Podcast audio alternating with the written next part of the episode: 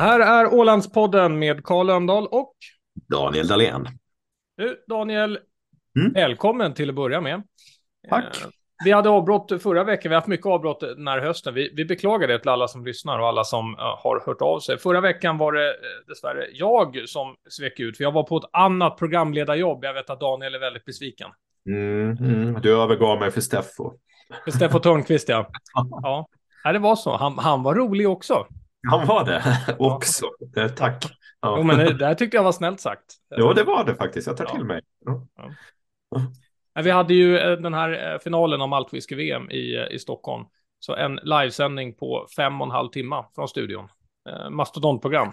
Och diskutera smaker hela fem timmar då, eller? Ja, nej, det, det gjorde vi nog definitivt inte. Det gjorde de så bra från scenen. På så sätt var ju upplägget eh, väldigt bra. Att vi har ju de här enormt duktiga personerna. Alltså Björn Stjärne, Henrik Afflodal, eh, som var på Åland nu för ett tag sedan nu. Eh, Jag hade med på den. Mm. Jo, som vi hörde i podden.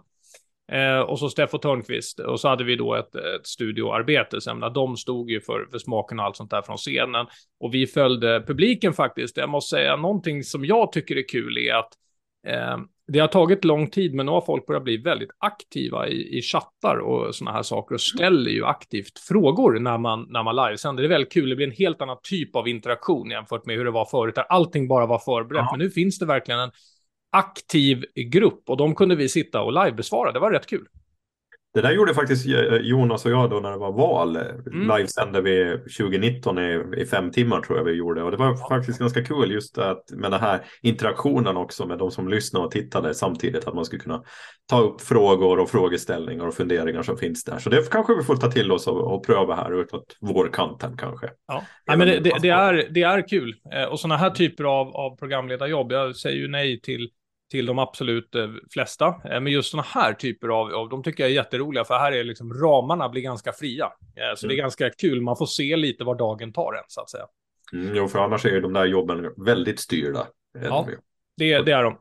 Eh, hur som helst var ett jättekul evenemang. Nu är vi, nu är vi tillbaka eh, här i Ålandspodden. Vi, ska vi börja med att bara, bara nämna att du och jag har på något sätt gjort en sån här eh, lös handskakning över, vi kan kalla det en handshake online, eh, på, att, eh, på att vi ska göra någonting lite kul i, i januari, eller hur? Mm, det har vi gjort. Det har vi gjort. Där vi ska lite börja granska mera fakta, plocka fram fakta som säger saker och ting om Åland från olika perspektiv.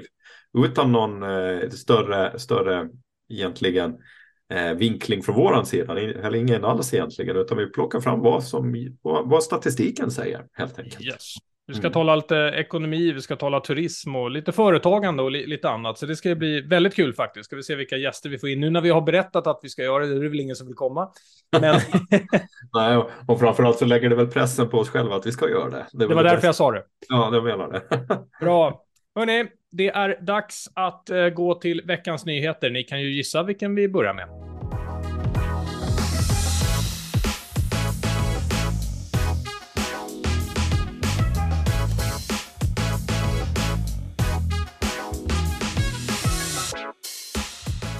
Veckans nyheter som sagt. Vi sa innan musikpausen att ni förmodligen kan gissa vad vi, vad vi börjar med. Men hur kan man ha en podcast på Åland och inte Eh, benämna det här som händer med Kapellskär och eh, Viking Line? Eh, för att dra en kort dramaturgi som meddelar alltså Först och främst så kommer det ett, ett meddelande om att man har köpt in sig i, i Eckerö, köpt upp massa aktier där. Alltså, eh, som detta efterföljs ungefär två veckor senare av att man meddelar att Rosella nu ska eh, säljas. Och det hade ju varit massor av rykten om det på förhand där veckan när det liksom trummade upp till att man sålde det. Och sen så meddelar man indirekt kan man säga, inte, inte på rakt svar, men att ehm, eh, det har varit en plus minus noll-linje att driva Kapellskär, Mariehamn. Eh, och att man i alla fall inte ser någon ersättning eh, just eh, nu, eh, möjligtvis mer på lång sikt, vilket alltså då i praktiken tolkas som att, att linjen för sekunden eh, läggs ner. Det har varit massor av diskussioner och det finns massor av aspekter i den här frågan. Det finns både eh, en samhällsansvarsfråga, etik och moral. Jag tror att vi kommer tillbaka till det alldeles strax, samtidigt som det här såklart är ett eh, skilt AB. Och medan vi sitter här och diskuterar så har vi också kunnat läsa i tidningen att Viking Line ämnar köpa ännu mer aktier i just eh, Eckerö och man har meddelat eh, aktieägarna att om de är intresserade så ska de kontakta sin bank. Där står vi väl ungefär faktamässigt. Nu, nu börjar eh, diskussionen, eh, Daniel. nu börjar diskussionen och faktamässigt. Nej, men jag tror att det, för det första konstatera att det här väcker ju väldigt mycket känslor i det åländska samhället. Och i synnerhet i de politiska leden har det varit väldigt darrigt de här eh, dagarna. Och de säger kanske en sak i, i offentligheten, men pratar man med dem lite vid sidan om så är det väldigt mycket ilska. För man har investerat väldigt mycket politiskt kapital upplever man det från politisk sida för att liksom upprätthålla den här linjen, i synnerhet under pandemin och för ett försörjningsmässigt perspektiv så är den otroligt viktig för Åland. Må vara att fjärdvägen är den vägen som det mesta kommer till Åland vad det gäller transporter och livsmedel och liknande. Men ur ett försörjningsperspektiv som är bredare än bara livsmedelsförsörjning och, och varor så är Kapellskärslinjen väldigt viktig och det framhäver man fortsättningsvis. Så det där bubblar väldigt mycket i det åländska samhället och man har ju haft diskussioner mellan rederierna och politikerna och frågan är ju vad som har sagts där och har politikerna verkligen sagt vad de säger så här mellan raderna och off the record i, i det vanliga samtalet. Har man sagt det till rederierna också? Jag tror att det har kommit fram ganska tydligt eh, vad, vad mina, mina fåglar har kvittrat i mina öron. Vad Men... finns det för, för medel då? Jag menar, man kan ju inte heller hur som helst lägga sig i vad ett, eh, vad ett aktiebolag eh, naturligtvis Nej. gör. Det finns tydliga boundaries eh, däremellan. Men skulle du först kunna bara utreda frågan för mig att en, delvis en, en förutsättning för taxfree om man talat om är kapellskär. Kan du reda ut den faktan för mig så att jag förstår?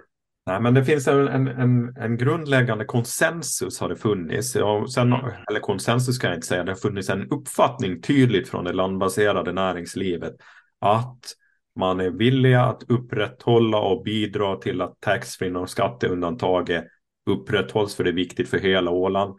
Men som en liten återbetalning har man sett att det ska finnas en snabb linje även till Kapellskär. Må vara att vi har mellan Grisslehamn och Eckerö, men, men ur ett näringslivsperspektiv så har det varit betydligt viktigare Kapellskär, eh, Kapellskär Mariehamn. Då. Så man har sett det som en återbetalning, som en del av ett större samhällskontrakt. Att vi upprätthåller, vi, vi, vi bråkar inte för mycket med skattegränsen. Även om den spel är bedrövlig för många landbaserade näringar och den har blivit ännu värre de senaste åren. Ja. Uh, och, uh, men vi vet att det är bra för hela Åland. Men nu upplever ju en del att man liksom rederinäringen då har övergett det då. Det mm. samhällskontraktet och det är väl det som liksom både politiskt och i, i det landbaserade näringslivet så som man pratar väldigt mycket om och är väldigt irriterad och eh, där är ju lite intressant eh, liksom hur Vikinglinjen ser på det och, och, och, man har ju framhävt också att man har tagit ett större ansvar. Det sa ju styrelseordförande Ben Lundqvist att man har tagit större ansvar under väldigt många, många, många år och upplever att det är någon annan som nu skulle bära, bära det ansvaret i det samhällskontraktet också. Samtidigt så, så är det ju så att att eh, det är svårt för någon annan att bära det samhälls eller den delen liksom att då är det ju nästan eh, Gud hjälper mig att eh, politikerna får för sig att de ska börja köra trafik på den här linjen. Eh, vilket inte skulle överraska mig. att det skulle kunna komma sådana lösningsförslag. Eller Men, andra subventioner då. Eller andra subventioner. Och samtidigt måste vi ju komma ihåg att Vikinglinjen är ett börsnoterat bolag och enligt aktiebolagslagen så har de ju bara deras förpliktelser är gentemot sina aktieägare. Största ja. möjliga vinst. Det, det är så. Och, och sen är ju det hur den vinsten uppstår. Då. Är det här samhällskontraktet viktigt för att den vinsten ska kunna upprätthållas? Då är det ju en annan sak hur man ser på det hela. Men det finns ju många, många aber här i den här diskussionen. Men, men framför allt så är det väl det där det här samhällskontraktet som, som Ja, med tanke på hur, hur, hur eh, det landbaserade näringen har blivit utsatt av skattegränshanteringen de senaste åren och hur det bara blir värre och värre och värre så finns inte liksom mycket spelutrymme. Kombinera det sen då med att det är väldigt få ålänningar som, eller få ska jag inte säga, men det är väldigt mycket leg, lägre antal ålänningar som har en koppling till sjöfarten än vad bara det var för 20 år sedan. Det är mm. lika många som jobbar till sjöss. Eh, som jag, jag kommer från en familj med på min fars sida så alla jobbar i rakt nedstigande led på min, på min faders sida, liksom på, till sjön mer eller mindre i århundraden. Så jag har liksom ner där. Men jag, det är väldigt många som inte har den där kopplingen längre med sjöfarten. Eftersom man, Åland har ju förändrats de här senaste tiden. Sjöfarten är inte en lika stor del av det åländska näringslivet. Men viktigt. Absolut viktigt. Och just för kommunikationerna, vilket vi såg under pandemin. Så det är väl ungefär kontexten. Men ganska komplext på det sättet men, och, och brett. Mm. Vad tycker du själv då? Jag tycker att det är besvärande att, att den här linjen läggs ner. Eh, jag, jag lever väl ännu i en förhoppning att, att det ska komma till någon slags lösning innan det här är färdigt eh, på ett eller annat sätt. Hur den ser ut så låter jag vara osagt i detta skede. Men, men jag, jag tror att, att man slutligen kommer att se att sen vem det är så, som går in här. Det finns ju, vi hade Finlines i dagens Finlines har vi exempelvis ja. Men det visade ju sig också att man inte var så väldigt intresserad utan man vill bara plock, plocka russinen. Och, för Åland i det, det stora hela är den här linjen väldigt viktigt så det behövs, det behövs ju en lösning. Och det ska bli intressant att se i sommar om det är så att det bara är Ekerölinjen som, som kör egentligen på snabbrutten. Så även om man kommer att lägga in nya linjer så tror jag att det blir en jättestor utmaning för dem att, att liksom, för de har ju inte gått tomma på sommarhalvåret heller. Så utmaningen är ju den här årstiden. Alltså då tror jag, den här årstiden tror jag nog att alla, eller efter jul eller efter nyår så tror jag nog att alla rederier skulle vilja bara lägga ner någon månad och sen så tar man upp trafiken igen för det är väldigt mm. dåligt med, med, med inflöde, kassaflöde ser man tydliga skillnader från månad till månad. Så, men Eckerölinjen som sagt, de kommer väl säkert att göra sin bästa och här är det ju intressant då med, med Vikinglinjen att man försöker köpa in sig ännu mer och har sagt det ganska tydligt att man vill ha ett större ägarskap i Eckerölinjen. Så man ser ju nog en, en, en framtid i linjen men, men antagligen då att det var för många som trafikerar. Mm.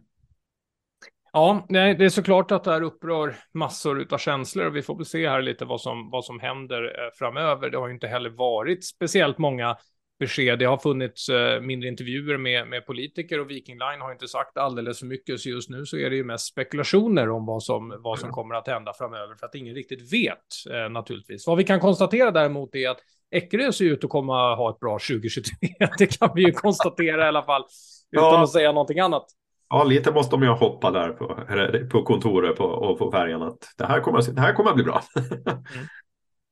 Vi ska väl se om vi kan eh, få med oss någon av dem för att diskutera de här frågorna live i programmet vid, vid tillfälle, eh, Daniel, om det är eh, möjligt. Men nu ska vi röra oss vidare i nyhetsvärlden. Du, det är en himla väntan om man ska få en ny bil. Fortfarande. Ja, ja, över ett år är det på. Och, och så att, och, vissa bilar kan väl komma lite snabbare, men det, det, det tar tid alltså. Det, det verkar vi hade ju det i tidningen här också om just det i Ålandstidningen om att det tar väldigt lång tid att få en ny bil. Då. Och det varierar ju lite på modell och specifikationer men eh, från Bifa sa man att eh, de har börjat sälja bilar av årsmodell 2024 till och med nu redan eftersom så det blir ju lite sådär, alltså när man går och köper en ny bil, då vill du ju ha den nya bilen. Du vill ju inte vänta i, i hur länge som helst. Och nu ska vi väl se, det har väl mycket med Kina att göra det här också, skulle jag tippa. Naturligtvis har det det. Eh, sen när du säger att man vill ha den nya bilen, alltså jag är en sån som, eh, mitt största problem med att handla saker online är ju att jag inte får det direkt. Ja. Eh, så, så ta då en sån här väntan när man ska vänta då en bra bit in på 2024 då, om man beställer just nu. Det är såklart extremt långa leveranstider. Sen är ju inte det här något nytt. Jag menar, vi hade ju Eh, alltså både bilindustrin har ju varit väldigt drabbad under, under eh, covid, men sen hade vi ju båtindustrin också. Eh, ja. Som hade gått på ungefär samma produktion då senaste tio åren och så plötsligt kom ett rejält uppsving under covid och många ville ha båtar. Det var både svårt att få delar till att bygga dem, men mm. också att man hade ingen högre produktionstakt, vilket också gjorde att beställningar innan sommaren var ju då till sommaren därefter. Eh, så det, det, det, är lite som, det blir lite ironiskt hela det här, för att det, det blir lite som de här Ronald Reagan-skämten om, eh, om, om Ryssland.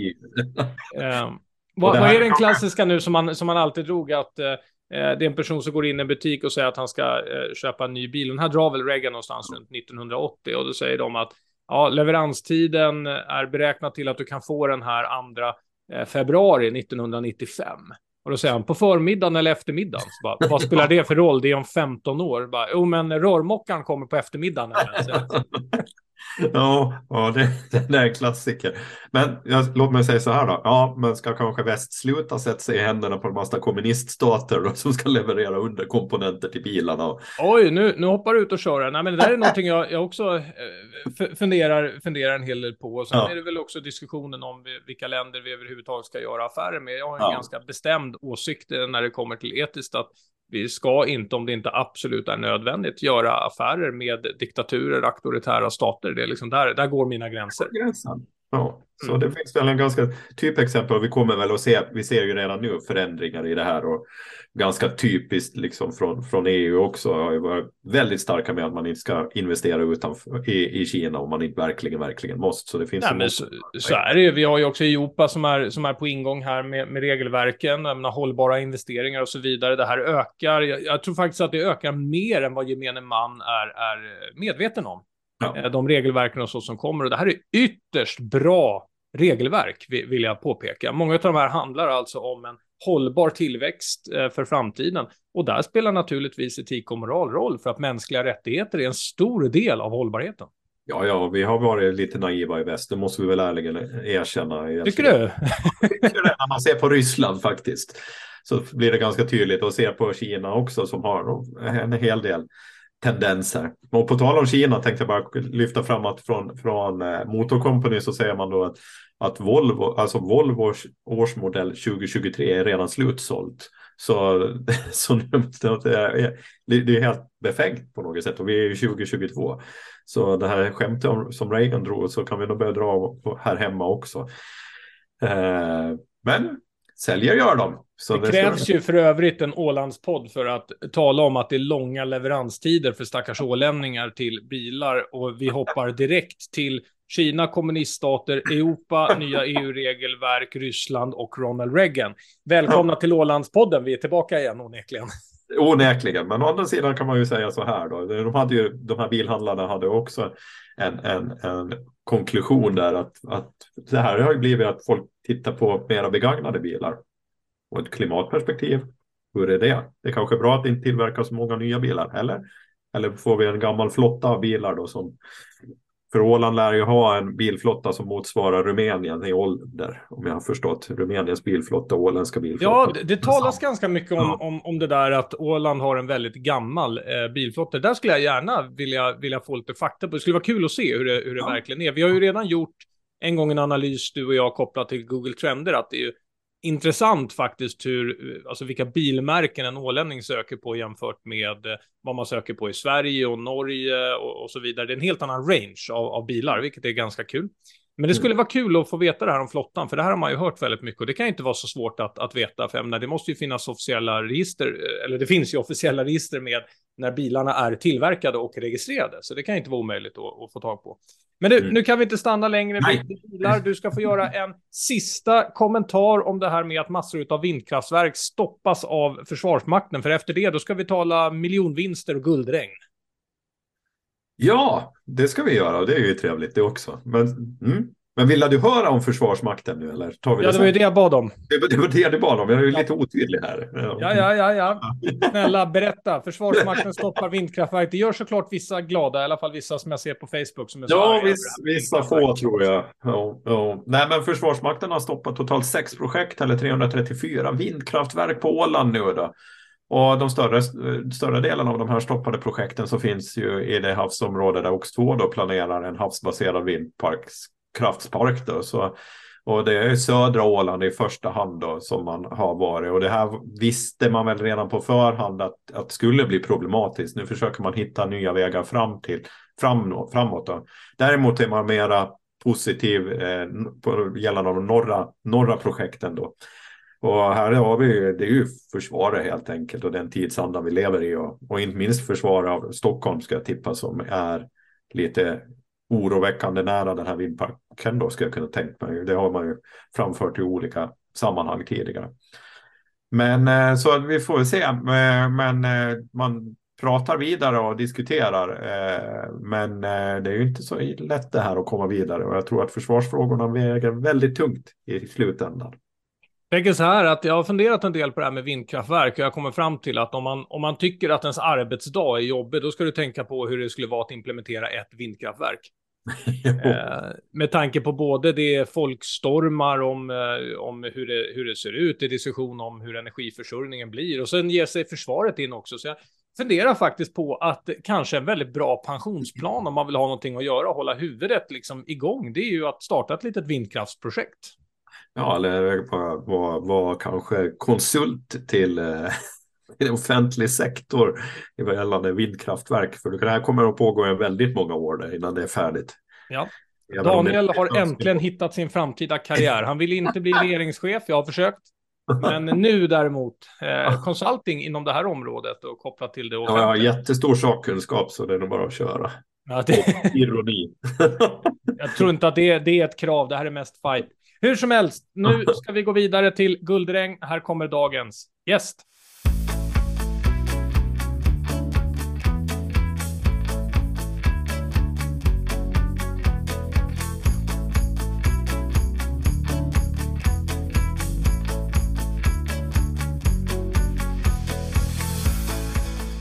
Ja, då har vi dagens gäst här och det är ingen mindre än Jan-Erik Janne Karlsson och det känns ju väldigt skönt att konstatera att man har en strandnäsare med nu i, i, i podden. Att det är lite för få strandnäsare och, det var ju flera strandnäsare i det här teamet som vann en herrans massa pengar. Välkommen till podden Janne och stort, stort grattis till den här travvinsten som ni har kammat hem. Tusen tack, det känns fantastiskt. Äntligen må jag säga. Vi har kämpat för det här. Ni har kämpat? Så det var kul. Vad kul ja. ja. Väldigt mycket. Vet ni vad ni ska göra med pengarna? Var och en har vi sina egna ställen att stoppa pengarna. Liksom. Jag tänker köpa en tomt i alla fall. Jag tänker börja bygga hus i dessa tider. Det är lite oroligt. Och ah, man har funderat fram och tillbaka. Ska jag, ska jag inte? Ska mm. vi, jag och min fru? Mm. Och nu ska vi göra det. Så det känns ju jättekul. Alltså det blir en, start, en riktigt bra start på ett husbygge då med andra ord. Absolut. Tomten är ju väldigt stor del ändå sist och slutligen av själva husbygget. Mm. Åtminstone i det här fallet så, så är den också en stor del av totalkostnaden, så det, det känns jätteskönt faktiskt. Härligt, härligt. Får jag bara säga ett uttryck här nu?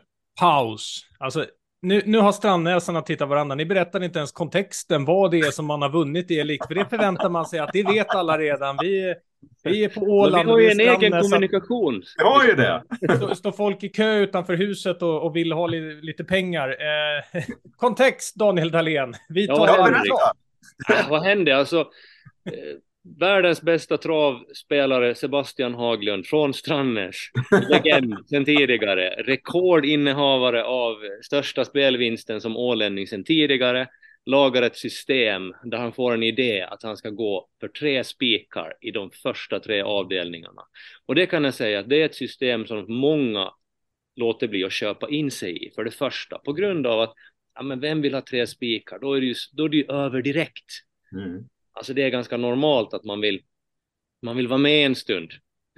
Det är viktigare att vara med en stund än att vinna egentligen, känns det som ibland.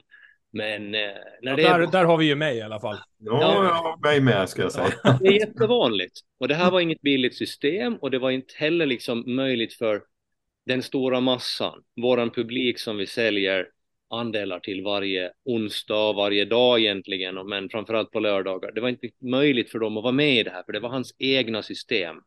Mm. Som en liten klick, vi lojala, trogna lärjungar. Intvingad. Sebastian Haglund eh, hade möjlighet att vara med på. Eh, och det var rätt dyrt, det kostar 70 euro nästan att vara med och som sagt tre spikar. Man ska veta vem Basse är och känna honom personligen för att tänka att fan, fan han kan göra det här. Det kan gå. Och det mm. gick. Det var otroligt. Får jag fråga, du nämner ju eh, kostnaderna nu, liksom. hur, hur mycket har ni lagt då innan ni, innan ni kom till den här vinsten då? Jag menar, det måste ju ändå vara en stor omsättning här vi talar om. Jag menar, pokerspelare, där redovisar man ju också bara vinsterna, men det kostar ju någonting att köpa in sig också. Men nu har du ju råd med en tomt, så jag antar ju då ändå att det liksom har gått positivt. Men tänkte, det här är ju sånt folk vill veta. Jag kanske hade haft råd med en tomt om jag aldrig hade spelat också. Men, ja, men visst, har vi, visst har vi degat in Mm. I den här brödugnen, det har vi gjort. Bara eldas upp pengarna. Ja, alltså vi spelar i, ja, men alltså det, det är nära 20 år nu Mm. som vi håller på att spela. Och det är klart att det kommer vinster ibland, men aldrig så här stort tidigare. Det här förändrar ju såklart läget en hel del, för det kommer en större klumpsumma på en gång. Eh, men samtidigt, det är ju så med spel. Man är medveten om det när man går in i det. Det är ingen garanti på något sätt att man ska vinna. Och det är svårt och det ska vara svårt. Och det bygger på odds. Det bygger på, på att för ens eget system så ska rätt, rätt hästar vinna. Och, och jag menar, om många är med och har rätta raden så är det väldigt lite pengar för var och en som har rätt. Ju färre som har rätt, ju mer får ju de som har rätt av den totala potten. Och egentligen är det väldigt enkelt, väldigt logiskt. Ja, det, absolut är det, är det logiskt. Vi talade ju här innan om det året när jag spelade Stryktipset varje helg. 37 omgångar och hade runt 25 omgångar på 12 rätt. Mm. Det var, det var ett minusår. Hur Ja. som helst. eh, Jo, för du Det var ju gott inte hur mycket du sällskap, vann. det var ju många andra med dig där, i det fallet. Ja. Nej, det var, det var inte, var inte stora summor. Så intresserad av, av spelare är jag trots allt inte. Men du, Men, eh, eh, vad är din näst Ja. största vinst då? Alltså efter det här, vad är liksom det största som du har kammat hem innan det här? På trav, Mm. mm, Ja, eller, eller spel generellt. Vi vet inte vad du spelar. Trav? Frågetecken. Jag vet inte. Boxning eller vad som helst. Men vad... Ehm, ja, men jag tycker om att spela på lite allt möjligt faktiskt. Eh, Men, men vadslagning och trav är nog favoriterna. Och Stryktipset var ju också en stor favorit. eh, Då när vi spelade fortfarande här på Åland. Eh, Men min största är nog... Ja, men det är, det är någonstans runt 12-13 000 euro. Mm. Liksom. Mm. På ett enskilt spel.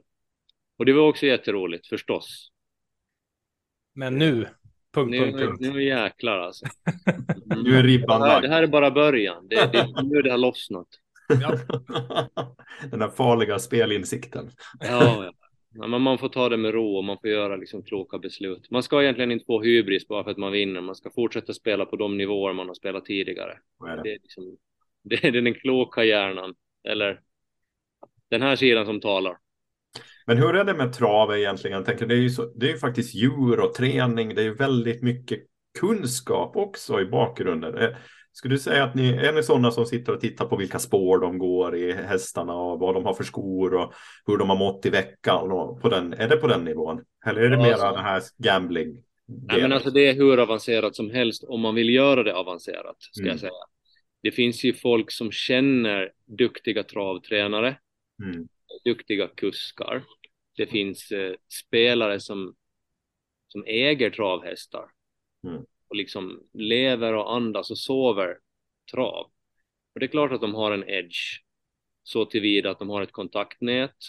De förstår att hästar kan påverkas av långa resor respektive korta resor.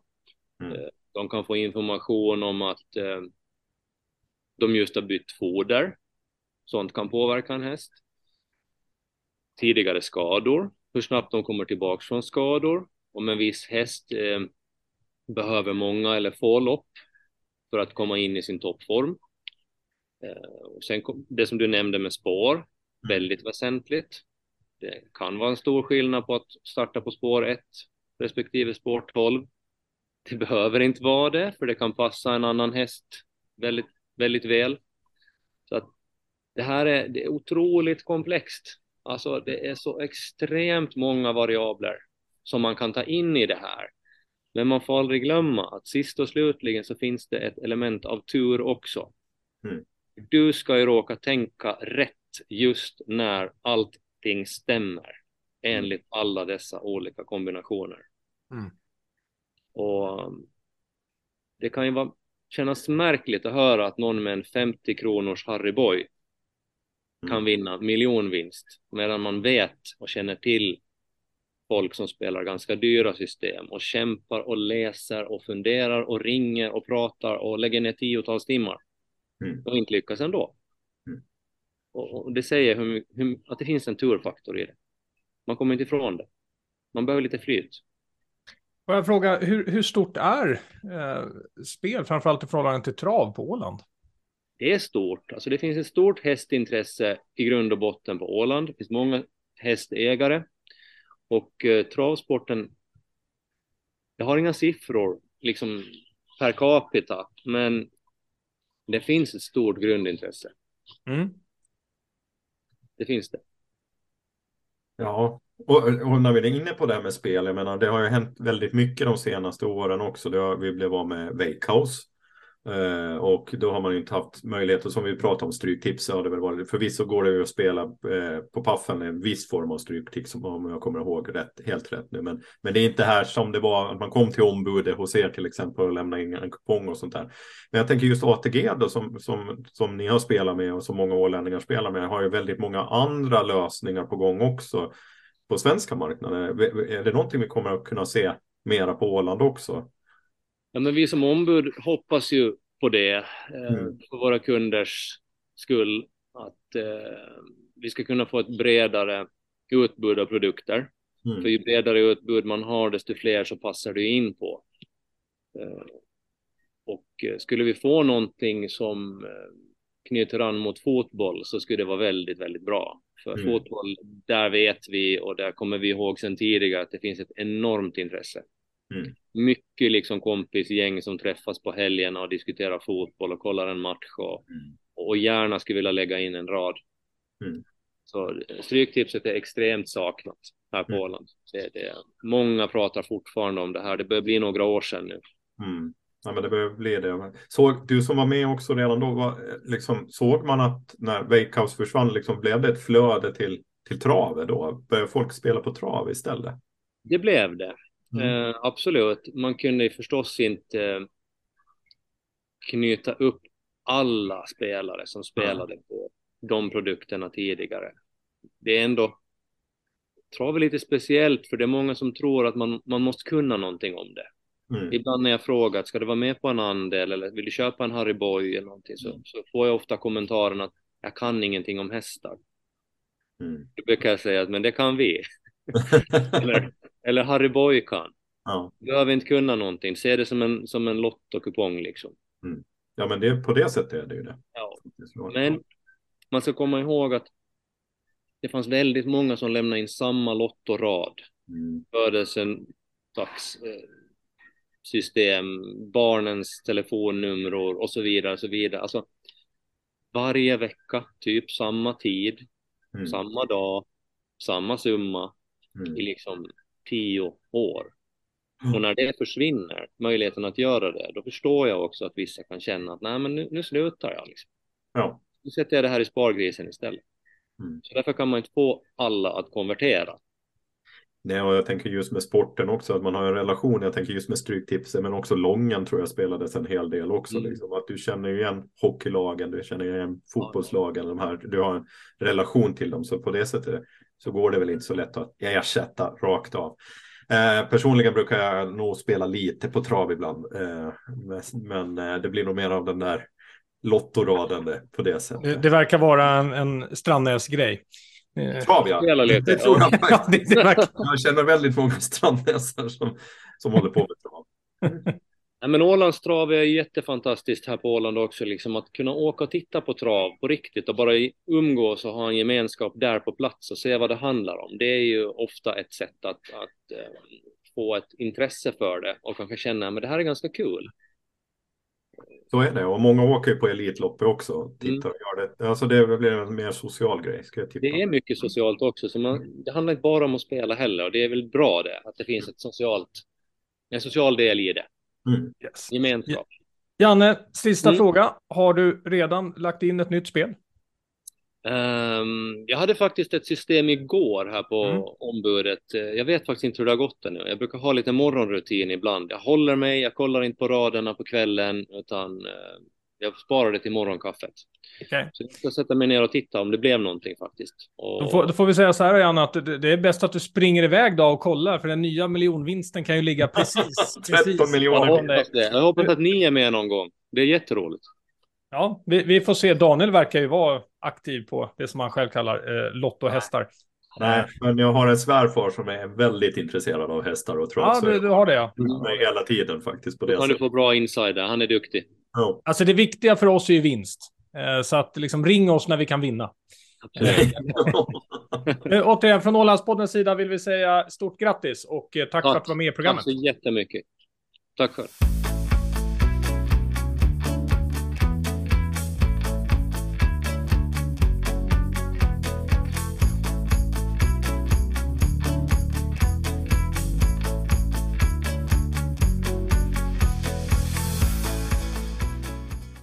Ja, väl tillbaka här i studion. Det var väldigt, väldigt kul att höra Janne om hans eh, miljonvinst, Daniel. Ja, verkligen. Eller, Verkligen. Men, miljonvinst då, räknat i, i SEK, eh, ska jag påpeka. Jag räknar om allting i SEK i huvudet.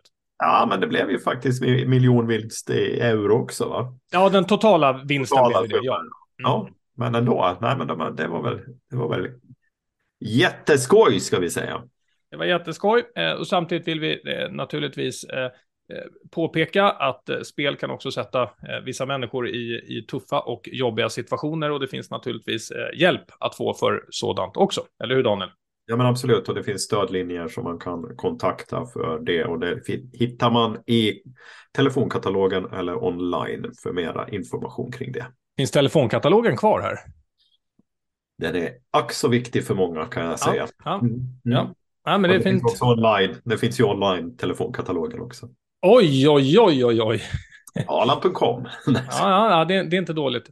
Nu, nu är det dags för lite helgspaning. Vi börjar med show på Allandica, eller hur? Småstadsliv går på krogen 2.0. Jag gillar den. 2.0. Vad innebär det liksom med tanke på att när det gäller Åland och, eh, och krogen så är det för mig liksom en 10.0 bara i den kombon. ja, det här är, det är, någon, det är men det är, li, det, är, det är lite igenkänningsfaktor om jag har förstått rätt på det här. Du tänker eh, sam, småstadens samlingspunkt och så det kanske utspelar sig på Arken innan det är färdigt. Vi får väl se hur det blir, eller Indigo. Eh, den som går på, på den här showen, får, eller den här teatern får ju se det här. Eh, och det går ju av stapeln den 14 december, så det är ju redan ikväll. Är det. Så det finns några biljetter kvar för den som vill gå. Yes. Och sen så är det väl en eh, trevlig helg med julkonserter, eller hur? Ja, nu börjar de med julkonserterna komma här och det är såväl Intermezzo som Mariehamnskvartetten då och Intermezzo-kören så håller julkonsert i Finströms kyrka. Håll, ursäkta, det har ju redan varit, jag är lite snabb på här på konfekten. Den hålls den 16 till 12, 18.30 så hålls det i Sankt Görans kyrka. Precis, nu, blev, nu blev det rätt ja. Sankt det Görans, exakt. den som har missat, missade när det var i, Finströms kyrka så har alla möjligheter då att gå i Sankt Görans kyrka på fredag. Och eh, samtidigt så kan man fortsätta då sen på lördag med, med julkonsert med Mariehamnskvartetten och eh, solister där, eh, Ålandspodd-kändisen Sofia Asplund. Och då är det två tillfällen och det är klockan 16 och klockan 19 och det är i Jomala kyrka och det brukar vara väldigt mycket folk där eh, på den. Så det gäller väl att vara ute i tid och eh, man har förköpt då eh, vid ingången en timme före konserten. Och trumpetsolist är ingen mindre än eh, Fredrik Erlandsson. Mm. Mm. Ja, så att det är en eh, helg som går i showernas och, eh, och eh, julkonserternas tid. Och det är ju inte konstigt, för att det är ju trots allt bara en helg kvar. Sen är det ju julhelgen efter det. Nej men det är det. det. Det börjar ju närma sig på riktigt nu. Och jag ska väl bara säga en sak till. Det finns en show till som vi inte har sagt som går den 21. Som är nästan slutsåld. Men det finns möjligheter ännu. Och den är Änglarnas tid med Magnus Carlsson. Och det finns bara några ströbiljetter kvar för den som vill se Magnus Carlsson. Ut i kulturens liv, kära följare av Ålandspodden. Det är vad Daniel Dahlén vill ha sagt. Det jag vill ha sagt är att vi kommer att eh, dra ett streck nu för dagen, tror jag. Ja, och då menar jag inte i negativ synpunkt, utan ett streck och gå vidare i livet eh, för dagen. Du, Daniel, känns eh, enormt kul att eh, vara tillbaka här i formatet igen. Vi är Mm. tillbaka nästa vecka och då är det ju faktiskt eh, jul och säsongsavslutning. Jajamän, så då Mm. kör vi det. Så det, det är inte dåligt. Till alla er som har lyssnat, vi tackar och bockar. Vi önskar en fortsatt trevlig vecka och en trevlig helg. Det här är Ålandspodden med Karl Lönndahl och Daniel Dahlén.